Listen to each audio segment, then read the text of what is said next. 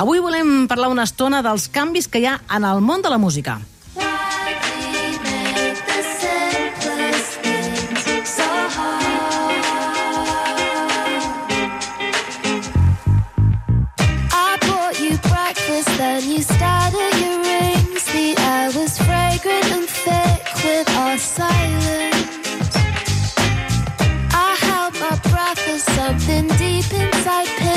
Touched the on your wrist you.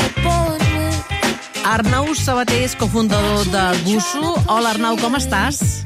Hola, què tal? Molt bé, moltes gràcies per convidar-nos. Segurament ja ho tens molt pensat, però clar, quan et pregunten, Arnau, has passat del Primavera Sound a Gusso, què és Gusso? Tu què dius? Bueno, sí, normalment el que jo explico a la gent que m'ho pregunta és que bàsicament directament els dic que he passat de treballar a la indústria tradicional de la música per eh, passar-me a l'espai Web3, que és aquest espai eh, emergent en el qual està evolucionant internet basat en tecnologia blockchain on tot és molt més serà molt més transparent, hi haurà molta més traçabilitat i per tant s'obre tot un univers d'oportunitats per la indústria de la música perquè precisament Web3 pot disruptir moltíssim la indústria de la música per oferir un, noves vies de capitalització per artistes, també oferir doncs, transaccions molt més justes, diguem. És com, diguem, obrir una finestra perquè entri aire fresc o amb una habitació on està tot a les fosques, entrar i de sobte engegar l'interruptor per, per donar llum, no? De fet, la, la tecnologia blockchain el que fa és una mica certificar tot allò que teníem volàticament en digital, no? Perquè és una manera de certificar tot el que està passant en digital, ser més optimistes amb els drets d'autor, no? Fins i tot. Sí, efectivament. Jo sempre explico que el blockchain, per exemple, és com anar a una biblioteca. No? Si tu vas a una biblioteca i vas a agafar un llibre, el bibliotecari o la bibliotecària tindrà un arxiu en el qual dirà aquell llibre estava a la biblioteca tal dia. El va va venir aquesta persona i se'l van portar ta- aquest, aquest dia a aquesta hora. La traçabilitat del llibre que està en aquesta biblioteca està absolutament controlada a l'arxiu de, la, de la biblioteca. Això és exactament el que passa amb, amb blockchain, amb els arxius d'internet. Més enllà del que s'hagi pogut popularitzar eh, o impopularitzar, bàsicament, eh, a les grans capçaleres els, dar els darrers mesos o, o any i mig, eh, molt centrat en dir, ostres, els NFTs que s'han venut obres per 500 milions d'euros. Sí, això és una anècdota, però la realitat és que aquest petit detall de la traçabilitat pot aportar molts usos a la cultura di digital i al, i al funcionament d'internet en, en si mateix, perquè si això ho apliquen doncs, a tot l'univers que tenim, doncs s'obren moltíssimes vies de, de negoci. Els actius digitals, els NFTs, es mouen en sectors molt emocionals, no? On hi ha gent que vol allò, no?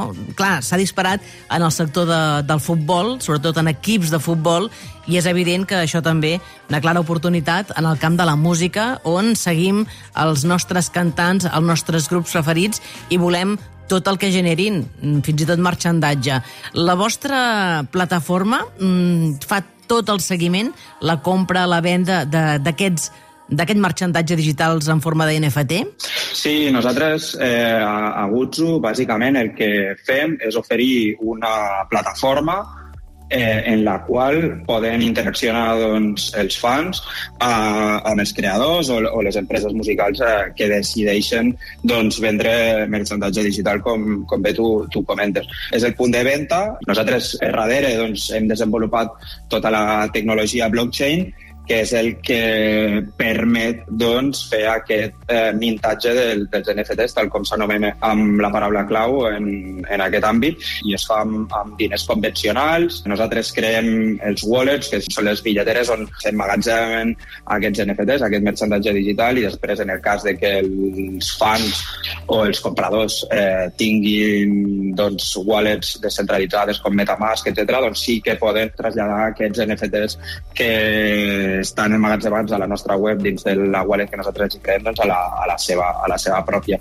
Expliquem que els NFTs que nosaltres venem són merchandising, bàsicament perquè entenem que el merchandising és una de les principals fonts d'ingressos per la indústria de l'entreteniment. Eh, la música n'és un més, tots eh, hem comprat merchandising alguna vegada a la nostra vida, no? o, o bé per donar suport a aquell artista que ens agrada, o bé perquè volem formar part d'una comunitat, perquè la gent ens entengui eh, que, que, que som fans d'aquest artista o aquesta artista. I podríem dir que Gusu eh, està desenvolupada, és 100% catalana, està desenvolupada des d'aquí, o també teniu partners o, o, o relacions amb altra gent d'altres llocs? 100% Gutsu és una empresa eh, 100% catalana, creada per emprenedors d'aquí. Sí, és cert que tenim algo d'inversió privada, el nostre inversor principal és, eh, és alemany, però més enllà d'això, tot el know-how està desenvolupat aquí, la base tecnològica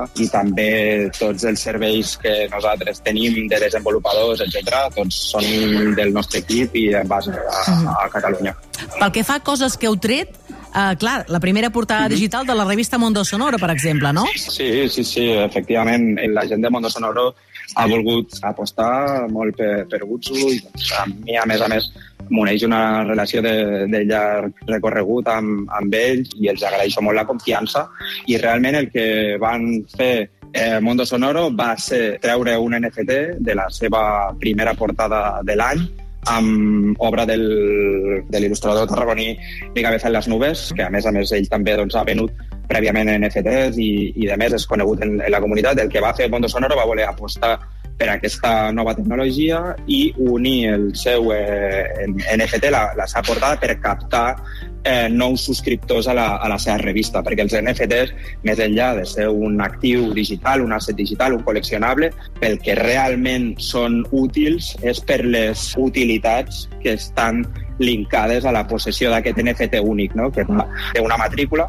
i aquesta matrícula doncs, eh, pot utilitzar-se per donar accés a la comunitat, ser el primer en tenir accés a continguts exclusius, etc. I així és com ells han volgut de forma innovadora no? introduir els NFTs dins de la seva, del seu model. Mm. A nivell pràctic, per exemple, si ara hi ha un grup que ens està escoltant i diu, i diu jo vull tenir merchandatge aquí, vull tenir una relació amb Guso, um, què ha de fer? Estan oberts o vosaltres que els aneu a buscar? Com funciona? Actualment, eh, amb, amb Guso estem en una fase de llançament, diguem, estem en una fase beta i, per tant, bueno, els artistes no poden entrar directament i, i crear un NFT, sinó que primer han de eh, contactar-nos i nosaltres els hi donem accés a, a la plataforma. No és molt més difícil que treure un, un disc en format digital i, i distribuir-lo a través de les plataformes de streaming. I d'altra banda, la, la gent que vulgui treure el cap i veure què és el que teniu a Gutsu, no sé si s'han d'inscriure a la plataforma, poden mirar-ho directament, com funciona? Bàsicament, nosaltres estem a, a totes les xarxes socials, eh, som molt actius a, a Instagram i Twitter on més enllà dels continguts de la pròpia plataforma doncs també eh, oferim molts continguts educatius de com Web3 pot disruptir doncs, la indústria de l'entreteniment, expliquem, fem continguts també molt per damis, diguem. Sí. Eh, ho necessitem, tothom ho necessita, això, perquè, clar, eh, és, és evident que hem començat parlant d'una manera eh, que no hem volgut dir NFTs, no has volgut dir NFTs fins al cap de molta estona, perquè hi ha actualment un problema de reputació, la gent que no en sap de què va tot això, quan sent NFTs ja dius, ui, especulació, no? I, i s'ha de fer un esforç sí, per explicar que, que, que ens estem avançant una mica al futur, no? O bastant, diríem. Sí, exacte, això passa molt, no? Bueno, jo també recordo eh, quan va començar l'època dels telèfons mòbils i de, i de Facebook i d'Instagram, al principi les primeres xarxes socials, ningú anava a, a tenir mai un mòbil ni anar parlant amb, per telèfon pel carrer ni, evidentment, no anava mai a tenir una xarxa social on exposar-se i ara doncs, no podem concebre la nostra vida sense estar connectats a, a les xarxes o a internet a través de, del nostre mòbil. No? Eh, passa una cosa similar amb aquesta. És cert que, i, i som totalment conscients, que hi ha hagut una difusió doncs, molt gran en, aquests primers, eh, en aquest primer any i mig en el qual s'ha popularitzat molt el concepte NFT vinculat doncs, a l'especulació. El més important és eh, la utilitat tecnològica i així és com nosaltres estem aplicant aquesta, aquest sistema tan innovador doncs, a, a la indústria de la música. No? Així ho estan fent també altres, altres països i altres sectors. Per exemple, i sense anar més lluny, doncs al Regne Unit ja s'estan enviant citacions judicials en format NFT, bàsicament perquè són traçables i de contingut únic i, per tant, doncs, aquest és el ús real d'aquest format tecnològic més enllà de l'especulatiu, que evidentment també ho és, i, però no és el més important. En l'auge dels metaversos i de l'internet del futur, doncs, els NFTs doncs, jugaran un paper importantíssim. Doncs Arnau Sabater, cofundador de Gutsu, esperem doncs, que aquesta vegada s'avanci una mica la indústria musical perquè diríem que amb el digital va costar una mica, o sigui, abans no es va arribar a l'streaming, va costar una mica i bé, va representar realment molts llocs de treball perquè jo que sé que el digital va ser un dalt a baix a la indústria musical que ara ja ha trobat altres finestres i una d'elles seria aquesta amb el marxandatge digital. Per tant, enhorabona pel projecte, a veure com evoluciona. Nosaltres vam parlar ja fa més d'un any, per exemple, amb el primer grup de música en català que va fer un NFT, que van ser els de, els de per exemple. Enhorabona i endavant, Arnau. Una abraçada. Moltes gràcies, igualment.